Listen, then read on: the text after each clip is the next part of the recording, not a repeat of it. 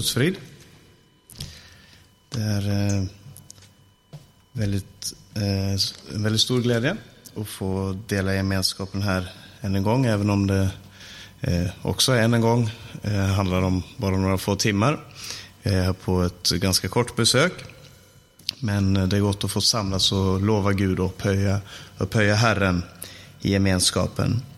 Och vi befinner oss i det som populärt kallas för adventtider. Jag vet inte om det är så populärt, det har väl varit det i ganska många hundra år. Men eh, eh det handlar ju om tillkommelse. Eh, advent, vi, vi brukar ibland, eh, därför att det låter lite som vänta, advent, vänta, så tror vi att det handlar om att vänta, men, men ordet betyder egentligen tillkommelse.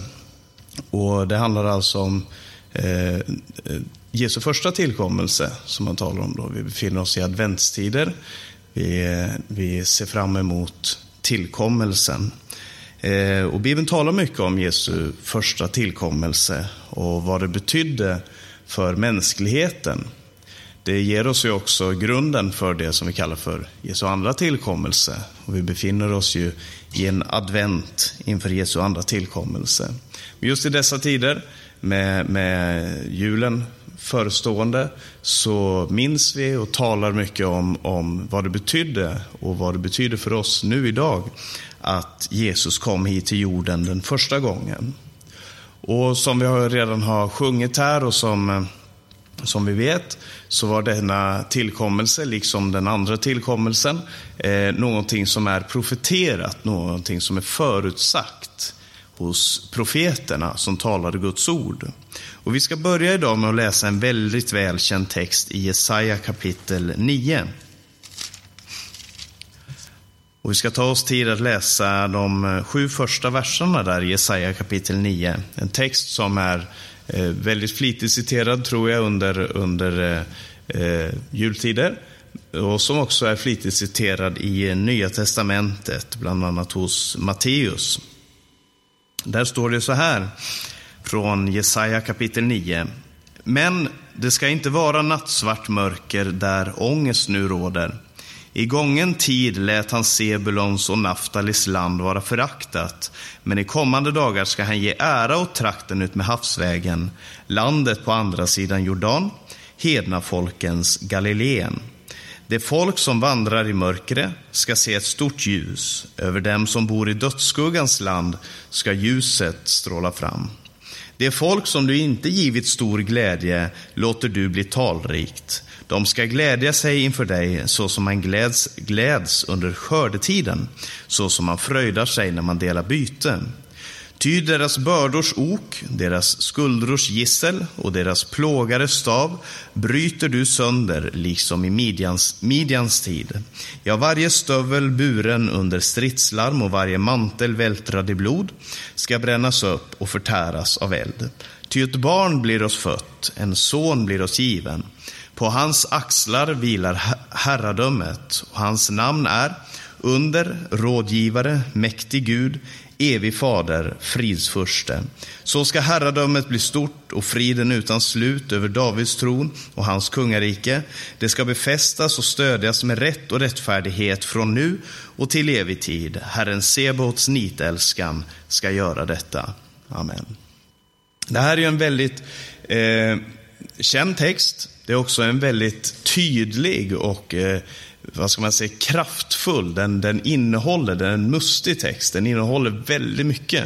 Vi kunde ha tagit, dragit paralleller mellan det här eh, ljuset som ska stråla fram och det du läser i Johannes evangeliums första kapitel om Johannes som säger, då står om Johannes döparen. Han var inte ljuset men han kom för att vittna om ljuset, det sanna ljuset som nu skulle träda in i världen. Eh, i honom var liv, livet var människornas ljus och så vidare. Du ser de direkta parallellerna mellan det gamla och det nya testamentet här. Eh, vi skulle också kunna dra parallellen till Matteus som ju talar om Jesu herradöme, som talar om Jesus som Messias, han som eh, har härskarstaven. Eh, vi, vi kunde sett parallellen till Markus evangelium som handlar om han som kom för att tjäna. Han som blev given till oss. Han som kom för att ge sitt liv till lösen för många. Ett barn blir oss fött och en son blir oss given. Det är Fadern som ger sin son. Eh, det jag ska göra idag däremot, det är att se parallellen till Lukas evangelium. För er som var här under bibelskolan så vet ni att jag talade om eh, Matteus, eh, förlåt, eh, Markus evangelium och Johannes evangelium. Och vi såg där att Markus stora tema, det är att Jesus är Guds son. Och vi såg hur det gick från det första kapitlets första vers, där det står detta, detta Jesu Kristi, Guds sons evangelium, eh, till den bekännelse som skedde vid korset, eh, där det står om en man som lyfte upp sitt huvud och sa denne var i sanning Guds son. Och så såg vi i Johannes evangelium hur han förkunnar Jesus som den inkarnerade Gud. Eh, där han börjar med i begynnelsen var ordet, ordet var hos Gud och ordet var Gud. Det är den himmelska proklamationen, eller om du vill konklusionen, som börjar där. Och sen hur det blir en personlig erfarenhet hos Thomas som får ropa ut min Herre och min Gud. Du kan se någonting liknande hos Matteus, eh, där du ser hur det börjar med detta är, eh, detta är begynnelsen till Jesu eh, Kristi, eller Messias evangelium. Och det handlar om Messias-rollen, om du vill, och hur Matte, förlåt mig, Petrus sedan bekänner det här i Matteus kapitel 16, där det står Du är Messias, den levande Gudens son. Men fokuset här, ett, eller en av de saker som kommer fram i den här texten som vi har läst här, det är glädjen. Alltså det börjar med nattsvart mörker och ångest. Men, det, men den börjar så, det ska inte förbli nattsvart mörker där det nu är ångest. Sebulon och Naftalis land, alltså Galileen, det som vi känner som Galileen, Jesus, eh, eh, där Jesus växte upp, Kapernaum eh, och de städerna runt omkring där, Nasaret och de här små byarna runt omkring där, som var så föraktat, också på Jesu tid. Han säger att i gången tid lät han Sebulon och Naftalis land vara föraktat, men i kommande dagar ska han ge ära åt trakten ut med havsvägen. Och så säger han att det är folk som vandrar i mörker, dödsskuggans land, och ska se ljuset stråla fram. Och, och så kommer han till den här tredje versen, där står det så här. Det folk som du inte givit stor glädje låter du bli talrikt. De ska glädja sig inför dig. Eller eh, som det står i den norska, de ska glädja sig inför din åsyn.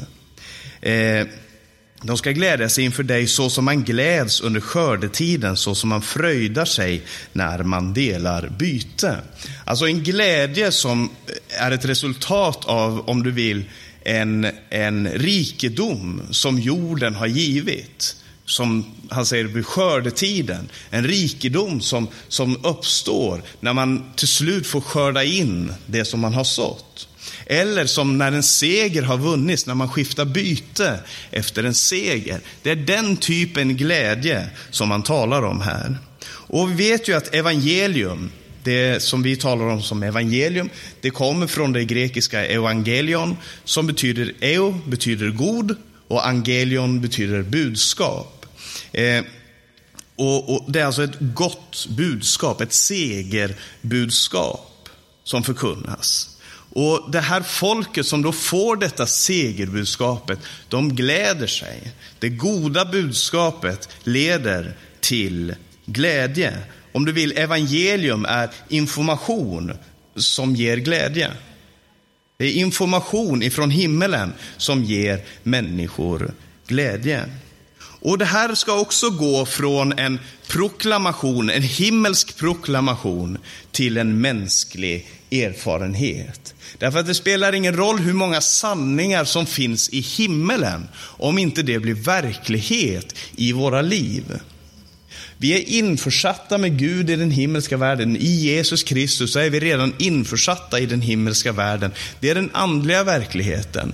Men det ska också bli en verklighet i våra liv, att Kristus är i, verksam i vårt liv här på jorden.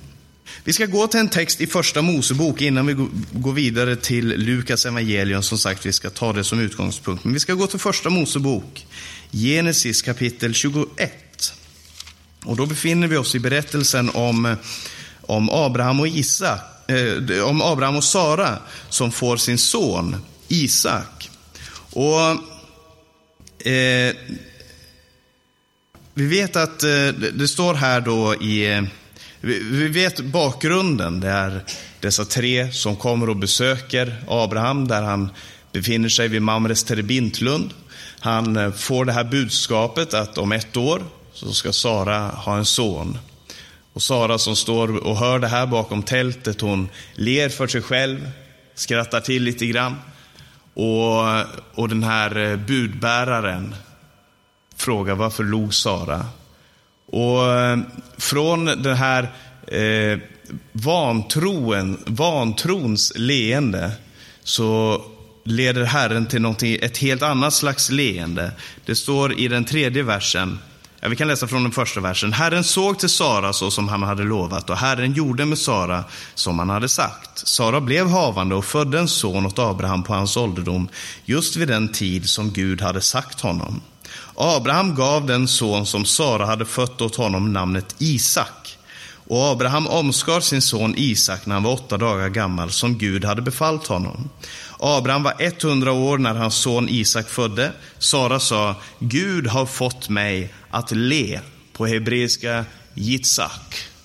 Gud har fått mig att le. Alla som får höra detta kommer att le med mig. Och hon sa, vem hade kunnat säga Abraham att Sara skulle amma barn, men nu har jag fött en son på hans ålderdom. Så Sara säger, Herren har fått mig att le. Och det är alltså i en situation som mänskligt sett är omöjlig. I en situation där allt mänskligt hopp är ute, där allting är slut, där alla resurser är slut, där tiden till synes har gått för långt. Där det bara är sorg kvar. Det är lite som Maria vid Lazarus grav. Nu har det gått fyra dagar. Enligt, tradition, enligt folktron så hade nu anden lämnat kroppen och gått bort. Det fanns inte längre något hopp. Men då står det, Mästaren kallar på dig, Maria. Och det förändrar hela situationen. Och, och här också ser du glädjen, den, den, är ett resultat av att Gud griper in i en hopplös situation. Och något av detsamma befinner sig landet i då Jesus blir född. Profetrösterna har tystnat. Det har varit tyst ända sedan Malaki. Haggai, Sakarja, Malaki. Den tiden runt Esra och Nehemja och tiden direkt efter det. Så har profetröster varit borta. Folket är ockuperat av romarriket och man befinner sig i den här hopplösa situationen. Och över Sebulons och Naftalis land så är det ett andligt mörker. Och, och man, det finns de som går och väntar, som det står, på Jerusalems förlossning.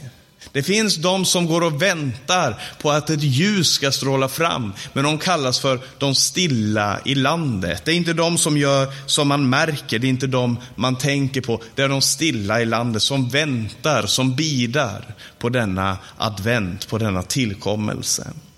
Och Vi ska gå till Lukas evangeliums första kapitel.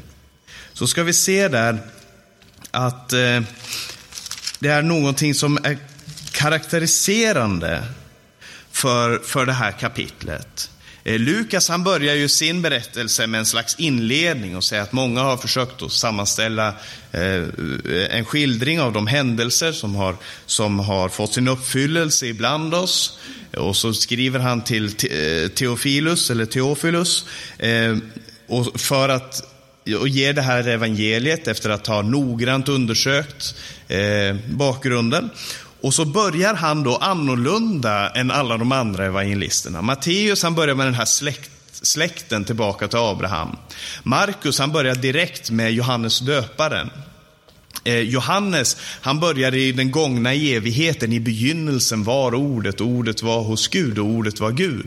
Eh, men alla evangelisterna gör det utifrån vilken publik de har och utifrån vilket fokus de önskar att lägga på Jesu liv. Fyra olika dimensioner för att vi ska få med oss både bredden, höjden, längden och djupet i Jesus Kristus. Och och i den, den här berättelsen då så börjar han med den tid då Herodes var kung i Judeen. Och Abias präst, eh, prästavdelning, i Abias prästavdelning så fanns det en präst som hette Sakarias. I en av de här 24 prästavdelningarna var också Abias prästavdelning. Där fanns det en präst som hette Sakarias. Han var en gammal man och han hade ingen son. Och hans fru Elisabet var också en gammal kvinna.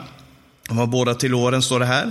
Och de kommer då, eh, han får det här uppdraget att gå in i den dagliga gudstjänsten. Så fick han uppdraget att gå in med, med offret och tända rökelsen inför Herrens ansikte. Och så står det då när han går in i, i, i, eh, taberna, eh, förlåt mig, i templet. Så i den elfte versen, då visade sig för honom en Herrens ängel som stod till höger om rökelsealtaret. Sakarias blev förskräckt vid denna syn och fruktan kom över honom. Men ängeln sa till honom, frukta inte Sakarias, din bön har blivit hörd. Din hustru Elisabet ska föda en son åt dig och du ska ge honom namnet Johannes. Du ska fröjda dig och jubla och många kommer glädja sig över hans födelse, ty han ska bli stor inför Herren. Ser du parallellen här till, till Sara? Som, som hade en liknande livssituation, Sara och Abraham. Och som också, där Sara också säger nästan identiskt detsamma. Jag ska fröjda mig och många andra ska fröjda sig med mig. Och till Johannes till Sakarias så sägs du ska få fröjda dig och många ska glädjas genom Johannes. Och det är när Gud handlar, så gör han på det sättet. Han griper in, inte där mänskligt hopp är litet, men där mänskligt hopp är ute. Där griper Gud in. Det är där Gud sänder sin son, till det nattsvarta mörkret. Man tänker sig att Gud borde ha sänt sitt ljus där det i alla fall fanns lite kvar. Men Gud sände sitt ljus i det absoluta nattsvarta mörkret, i Sebulons och Naftalis land. Där finner Gud en kvinna vid namn Maria. Och vi kan ju se på, på Johannes då, i, i det eh, 58 versen. Den 58 versen i samma kapitel, eh, ett långt kapitel, första kapitlet i Lukas evangelium. Eh, där står det så här, vi kan, ja, vi kan läsa vers 57. För Elisabet var nu tiden inne då hon skulle föda och hon födde en son. När hennes grannar och släktingar fick höra att Herren hade visat henne så stor barmhärtighet gladde de sig med henne. Och det ska du se är ett genomgående drag i Lukas evangelium, att när Herren gör någonting så väcker det en glädje hos människor. Det kan du se i de andra evangelierna också, men det är ett tydligt karaktärsdrag hos Lukas. Och jag ska inte säga att det här är Lukas huvudtema eller det är det enda han har fokus på. Det är flera fåror som går parallellt i Lukas evangelium som du kan se på. Det handlar om Jesu mänskliga natur. Det handlar om människosonen Jesus, människans son Jesus Kristus. Vi vet att Jesus var bärare av, av det här Eh, två naturer. Han var Gud, han var människa, han var den sanna gudamänniskan Jesus Kristus. Men också i Lukas evangelium så möter du fokus på människan Jesus. Och eh, Så grannarna gläder sig med, med eh, Elisabet och Sakarias. Och det blir en stor glädje för alla och en var. Eh, om vi ser på Maria i, i, sin tur, vi har ju ängeln kommer ju också till Maria. Eh, då kan vi läsa i eh, den 28 versen i Lukas 1. Ängeln kom in och sa till henne, gläd dig du benådade, Herren är med dig. Och det här kan det hända att det står lite olika i, i era bibelöversättningar. En del säger var hälsad du benådade eller häll dig du benådade och så vidare. Eh, det här var ett vanligt hälsningsord i, i, eh, på grekiska som är chaire, som betyder gläd dig. Bokstavligt talat så betyder det gläd dig. När vi hälsar så säger vi kanske hej, som ju kommer från heil, som betyder hälsa. eller vi säger frid som handlar om freden. Eh, men på grekiska så var det vanliga hälsningsordet chaire. Eh, möjligen så har det sitt ursprung i berättelsen om mannen som sprang, Filippus som sprang från, eh, jag berättade om det tidigare, han som sprang ifrån eh, maraton, slaget vid maraton till Aten och springer in i staden och ropar ut Chaire Nikomen, gläd er, vi har vunnit. Och att det är efter det, några menar att efter den här hälsningen och att det blev så vida känt så blev det ett vanligt hälsningsord i den grekiska världen, gläd dig. Men det är i alla fall det som ängeln säger. Nu talar väl ängeln antagligen arameiska med Maria, men det är det som eh, Lukas översätter med när han ska berätta vad ängeln säger till Maria. Gläd dig, chaire. Gläd dig över eh, du som är benådad. Du har fått nåd, oförtjänad godhet ifrån Gud. Gläd dig, du benådade. Och vad, vad händer då med, med eh, Maria? Jo, när, när hon är gravid så, så eh, reser hon ju till sin släkting Elisabet. Eh, och det står då i den eh, 41 versen, vers 41 så står det, när Elisabet hörde Marias hälsning spratt barnet till i hennes moderliv och hon blev uppfylld av den helige Ande och ropade med hög röst, välsignade du bland kvinnor och välsignad är din livsfrukt. Men varför hände detta mig, att min herres mor kommer till mig? Se, när ljudet av din hälsning nådde mina öron spratt barnet till i mig av glädje. Och salig är du som trodde, ty det Herren har sagt till dig ska gå i uppfyllelse.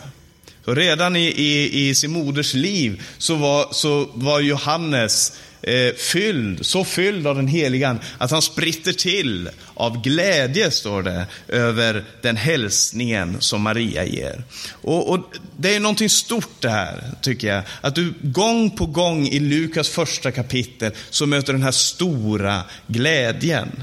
Saker och ting är, som det ofta är i begynnelsen av ett skede, i kvinnors händer. Du möter det i berättelsen om, om eh, eh Samuel, där det är en kvinna, hans mor Hanna, som, som förstår det skeendet som de är inne i när allting är nattsvart mörker där också över Israel och i Kabod, här, Guds härlighet är borta, härligheten är borta ifrån Guds hus. Eh, så är det en kvinna som ber om en Samuel. Du möter det i, i Andra Moseboks första kapitel, där saker och ting också är i kvinnors händer, när de här eh, eh, jordmödrarna som, som hjälper de israeliska kvinnorna, judiska kvinnorna att föda sina barn. Du, och du möter det gång på gång. I ett begynnelseskede så ligger det i, i, i kvinnors händer väldigt ofta. Och det är Elisabet och Maria som är i fokus i Lukas eh, berättelse. Och vad händer då med Maria när hon får den här bekräftelsen ifrån Elisabet? Jag antar att i hennes hembygd så var det nog mest fördömelse. Men när hon får den här bekräftelsen och, och himmelens svar på det som hon går och bär på, så står det, då sa Maria, vers 46, min själ prisar Herren och min ande gläder sig i Gud, min frälsare. Min, hör det här. Min själ prisar Herren och min ande gläder sig i Gud, min frälsare. Där har du fantastiska. Vi får prisa Gud och Gud ger oss den här stora glädjen. Min själ prisar Herren, alltså det som är i mig, det jag är, det prisar Herren. Men sen kommer det via min ande, så kommer det en glädje in i mitt liv. Min ande gläder sig i Gud, min frälsare.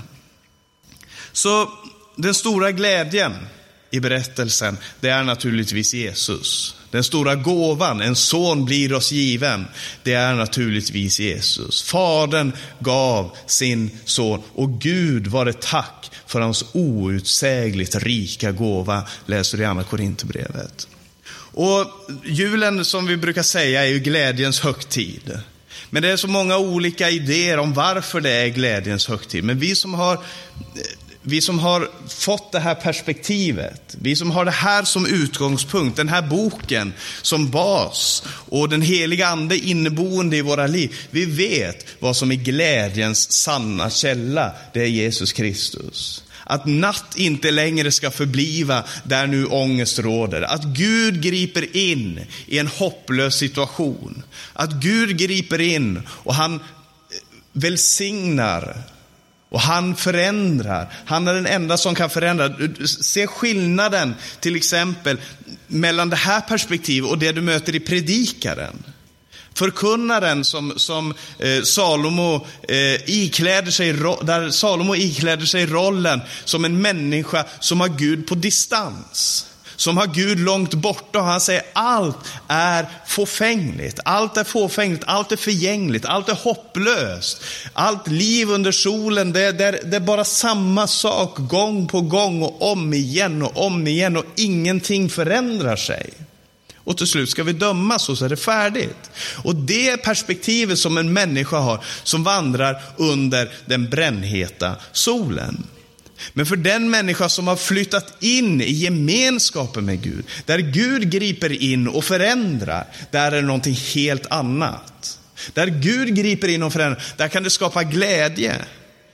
Predikaren här säger det finns ingen större glädje än det här. Låt oss äta, dricka och vara glada för imorgon så dör vi. Och det är the end of it. Det är slutet på historien. Men för den som har fått Gud i sitt liv, där Gud griper in, där Gud ger sin son, där ett barn blir oss fött, där kan det skapas sann glädje. Där kan det komma ett evangelium. Och vi kan få vara med och träda in i det här verket. Vi kan få vara med i skördarbetet som är det stora glädjearbetet. Vi kan få med, vara med och skifta byte. Prisat vare Gud.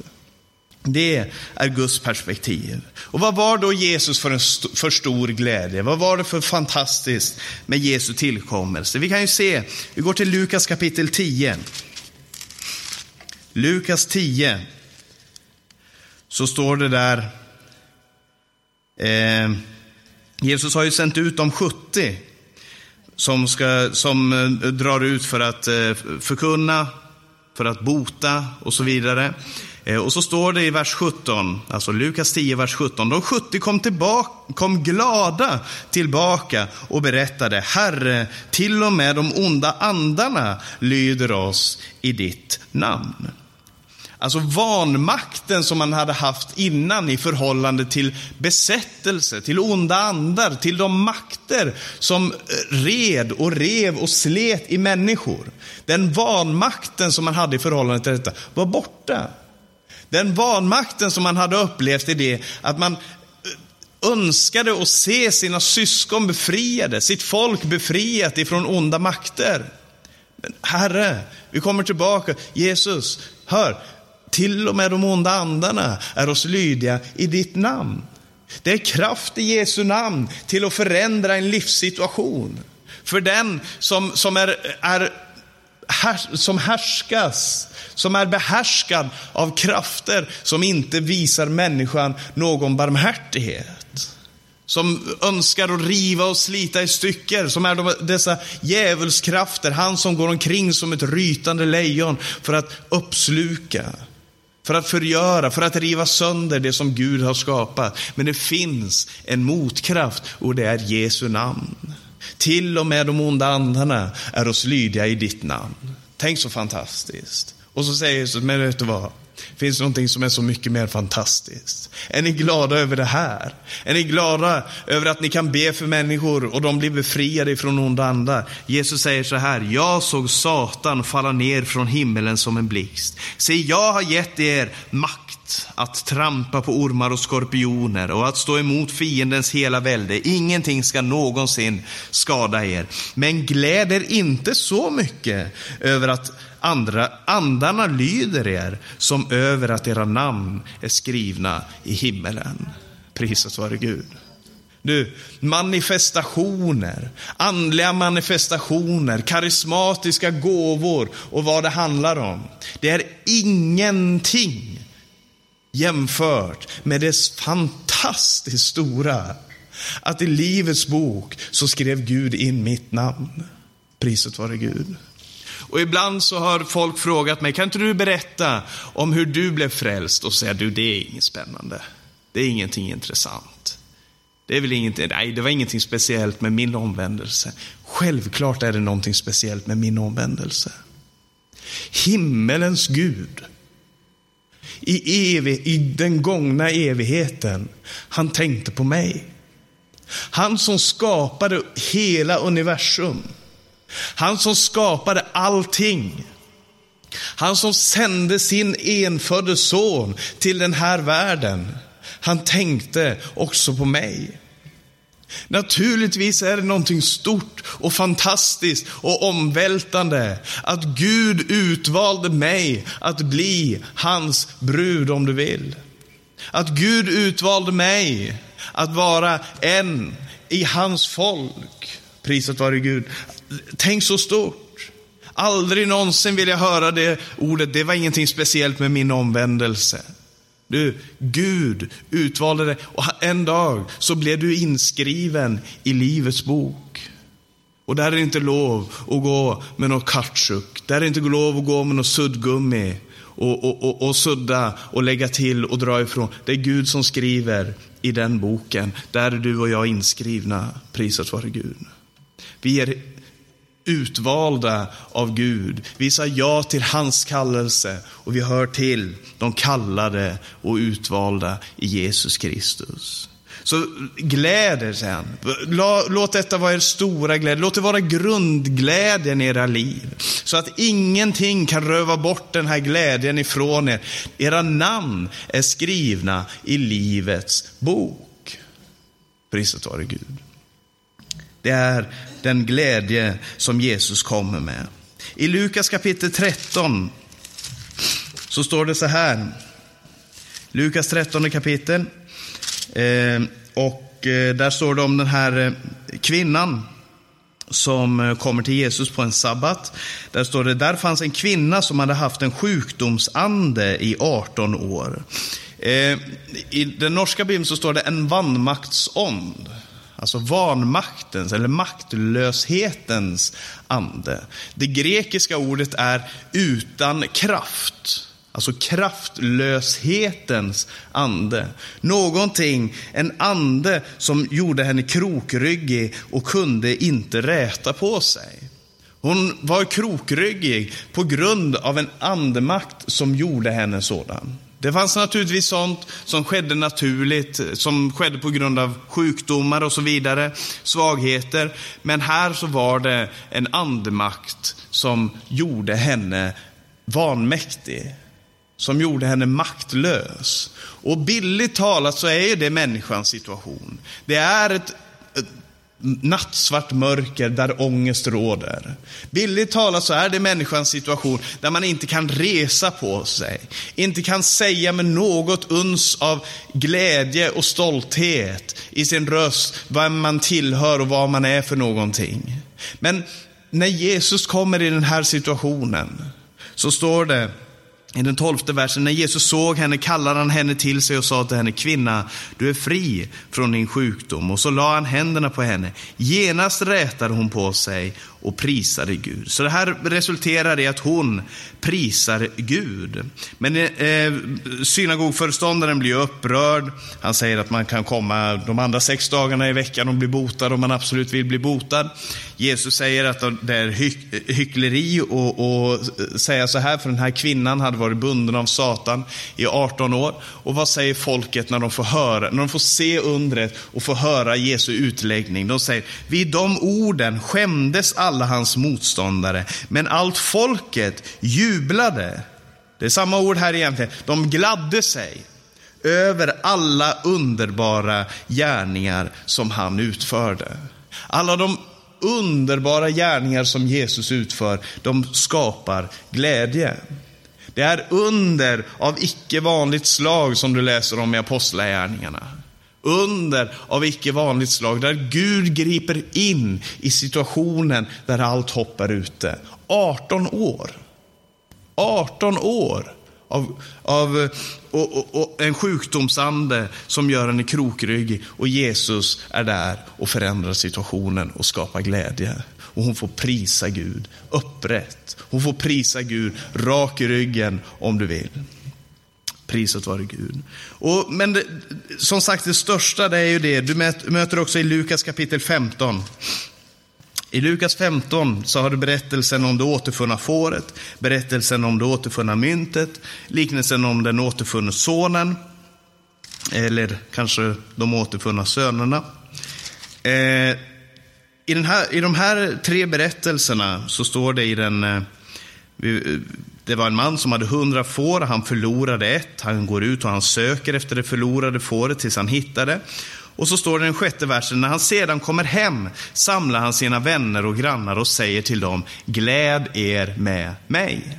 Jag har funnit mitt får som jag hade förlorat. Jag säger det, på samma sätt blir det glädje i himmelen över en enda syndare som omvänder sig, inte över 99 rättfärdiga som ingen omvändelse behöver. Här talar han om en glädje i himmelen. Och en glädje i himmelen som också är gläd er med mig. Alltså någonting som skapar en glädje i himmelen, någonting som skapar en glädje på jorden. Det är Jesus som finner det förlorade fåret. Eller den här kvinnan, den trolovade kvinnan, som hade sina tio mynt i, i sin huvudbonad. Som skulle vara en symbol för hennes trolovning. Och så mister hon den ena.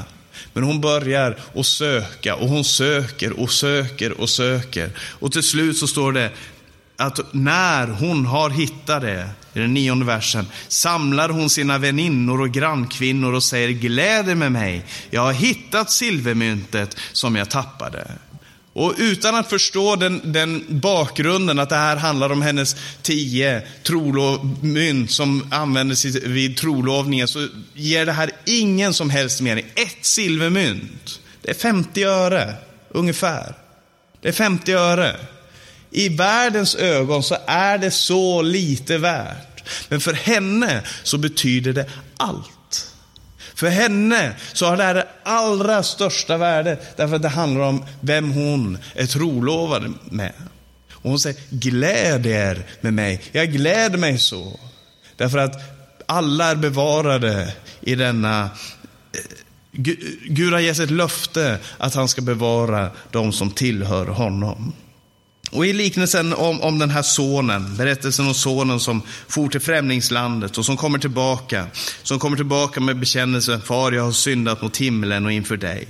Och så, och så eh, kommer den här fadern som kallar till sig sina tjänare, den 22 versen.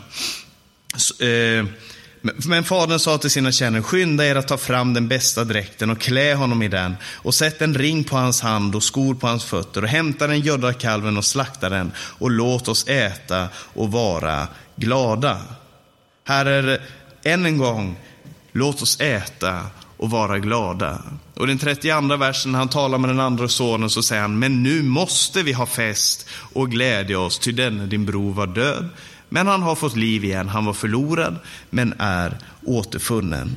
Så evangelium, det är fröjd, om du vill, i himlen och på jorden.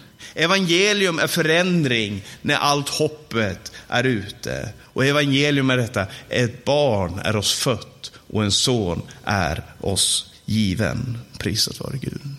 Och du kan se det här genom Lukas evangelium. Som sagt, du kan se det i de andra evangelierna också. Du ser det var helst en människa möter Gud. Det blev stor glädje i hela den staden, står det om.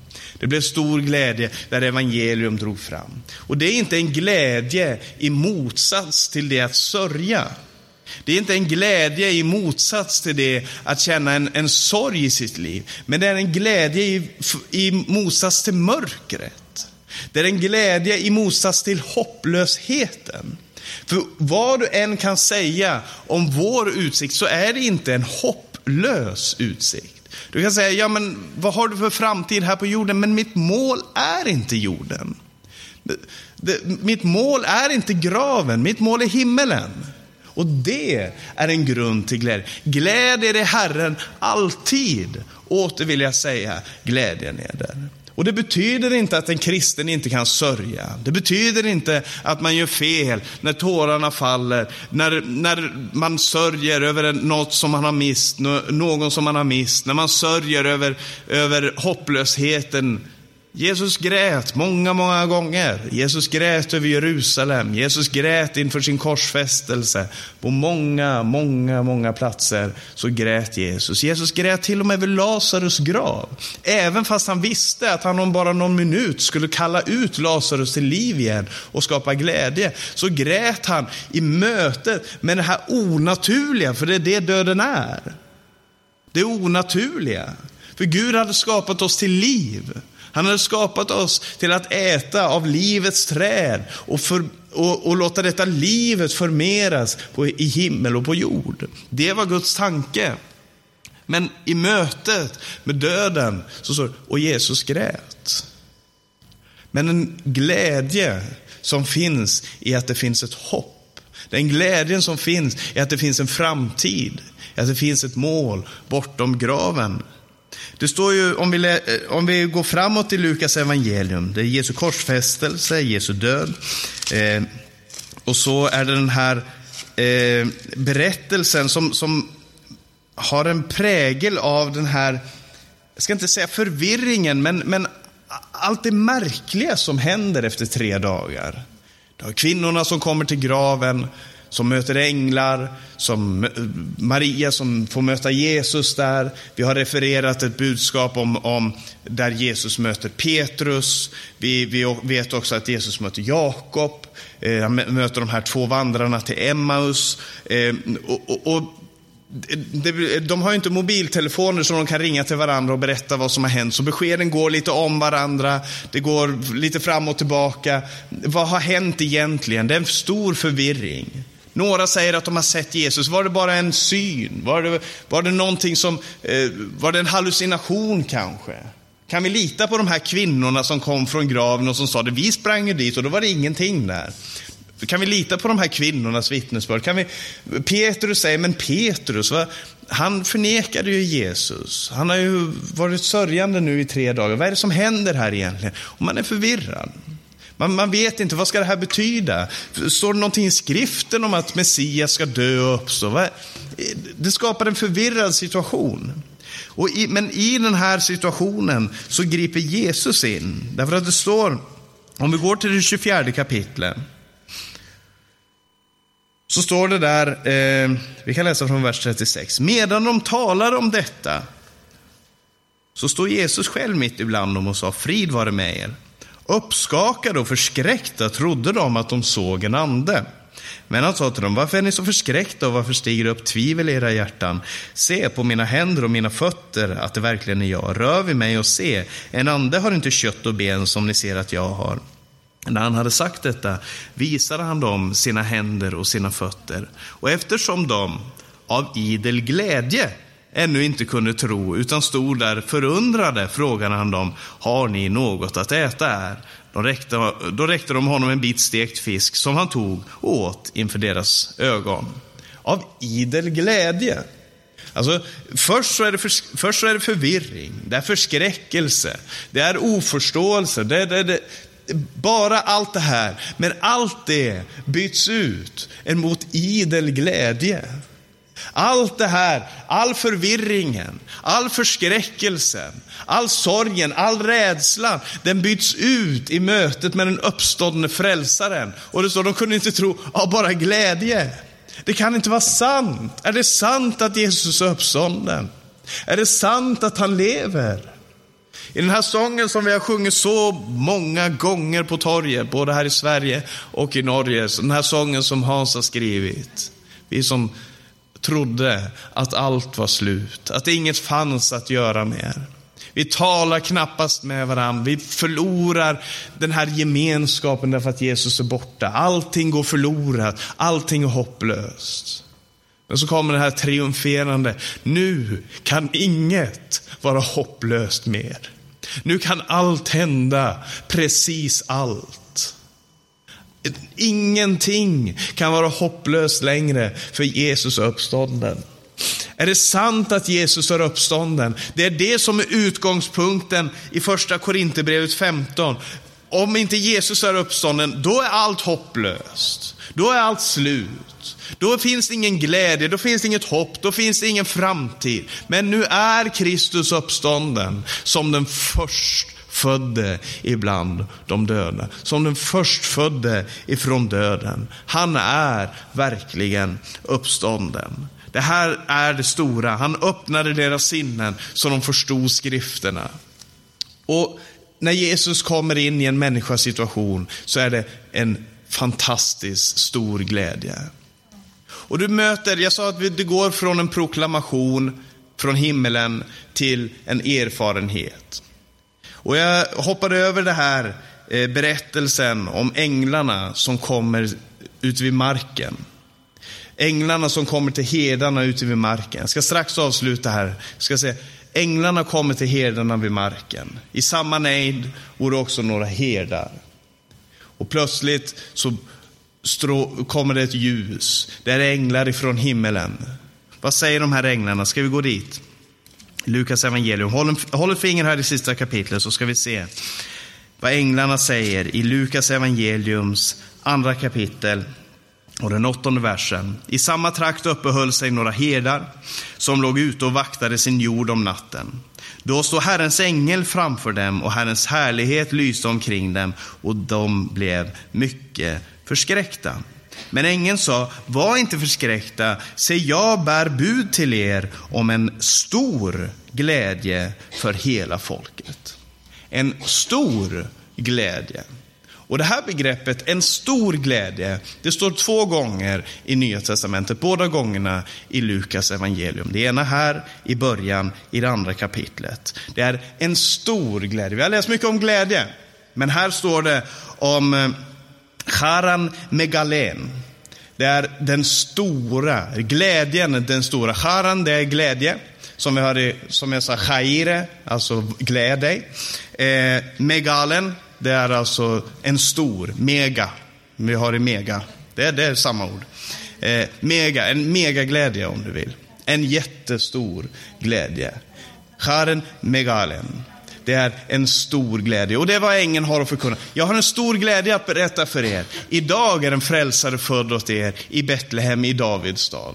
Tänk så fantastiskt. En frälsare är född i Davids stad. Det är en stor glädje. Det är himmelens proklamation och de går dit, de får se det, de tillber och de vänder tillbaka och de är förundrade över vad som har skett. Och Jesus kommer och gång på gång så skapar han glädje där han går fram. Han skapar glädje genom att han ger kraft åt människor att driva ut onda andar. Han skapar glädje därför att han berättar, era namn är inskrivna i Livets bok. Han skapar glädje därför att han låter en kvinna med sjukdom sjukdomsande resa sig upp igen.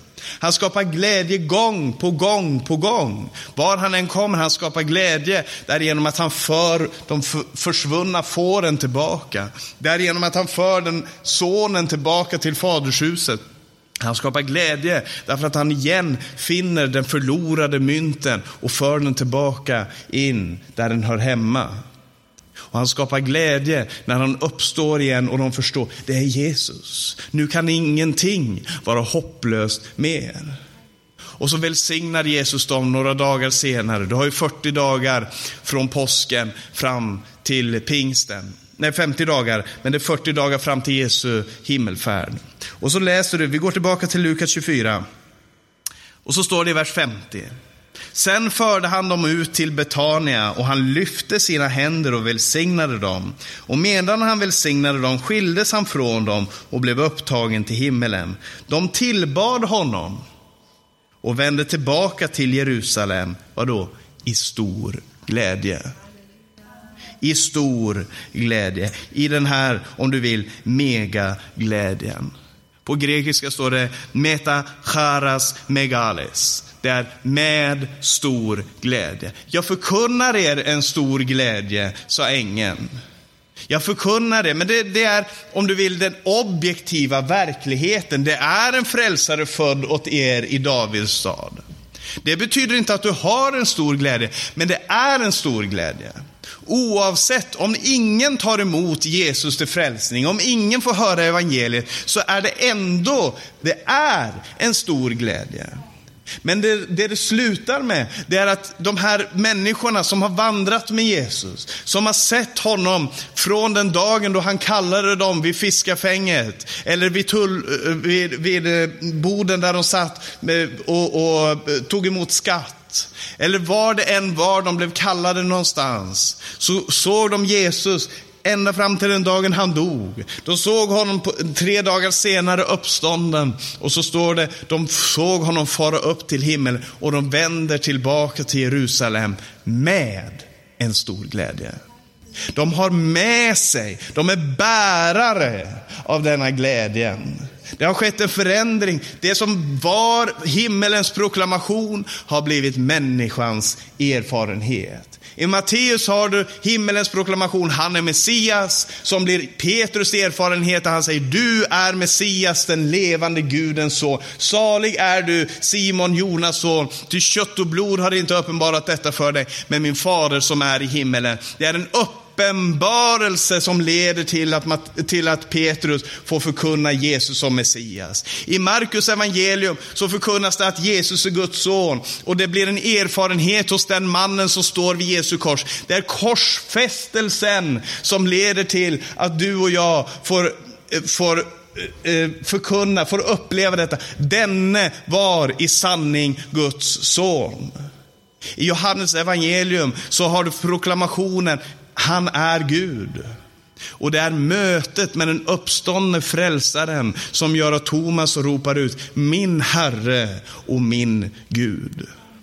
Men det är den Jesus som har farit upp till himmelen, som har satt sig på Faderns högra sida efter ett fullbordat verk. Det är det det är den himlafärden som jag vet också är min himlafärd. Det är det som skapar den stora glädjen. Det är det som skapar den stora glädjen, som änglarna förkunnade på de markerna. Det är det som skapar den stora glädjen i mitt liv. Jesus får upp till himmelen och snart ska jag följa med. Snart ska jag få följa med honom och han har berett mig en boning. Här på jorden har han berett mig en boning ibland sitt folk, i sin församling. Men här i himmelen, i evigheten, så har han också berett en boning för mig. Prisat vare Gud. Så ta med dig det här budskapet in i den här advent, i vår advent. Vi väntar inte Jesu första tillkommelse, vi ser tillbaka till den. Men som det är gemenskapen så förkunnar vi Jesu Kristi död till dess han kommer. Priset vare Gud. Han kommer snart. Maranata. Amen. Vi tackar dig himmelske Fader. I Jesu Kristi namn så prisar vi dig för denna stora glädje som du har gett oss. För denna stora seger som du vann på Golgata. För den stora seger du vann då du uppstod igen, Herre. För vår rättfärdiggörelses skull. Jag tackar och prisar dig, Herre, för att du har uppenbarat dig, för att du avklädde dig din majestät, din härlighet. Du som inte aktade dig som ett rövat byta med din gudslikhet, men avklädde dig helt och antog en tjänares skickelse. Vi tackar dig Herre för att du blev lydig, inte döden, ja, döden på korset. Och vi tackar dig för att vi idag, liksom herdarna, liksom Österns men, eh, vise män, Herre, liksom lärjungarna, får tillbe dig, Herre. Vi får tillbe dig, Jesus Kristus, falla ner vid dina fötter och tillbe dig, du som är värdig all ära, all pris, all tack och all lovs lovsång, Herre. Vi tackar dig för att du har köpt oss ifrån alla folk och stammar och tungor, Herre Jesus. Jag lovar och prisar och tackar dig för att du ska välsigna gemenskapen här på Bällsta idag, Herre Jesus. Jag ber dig, Herre Jesus, att du ska välsigna eh, de dagarna som ligger framför, de sista dagarna innan du kommer igen. Vi lovar och prisar och tackar dig i Jesu Kristi Nazarens namn. Tack för den stora glädjen, för allt folket, för alla och var och en som påkallar ditt namn över hela vår jord. I Jesu namn.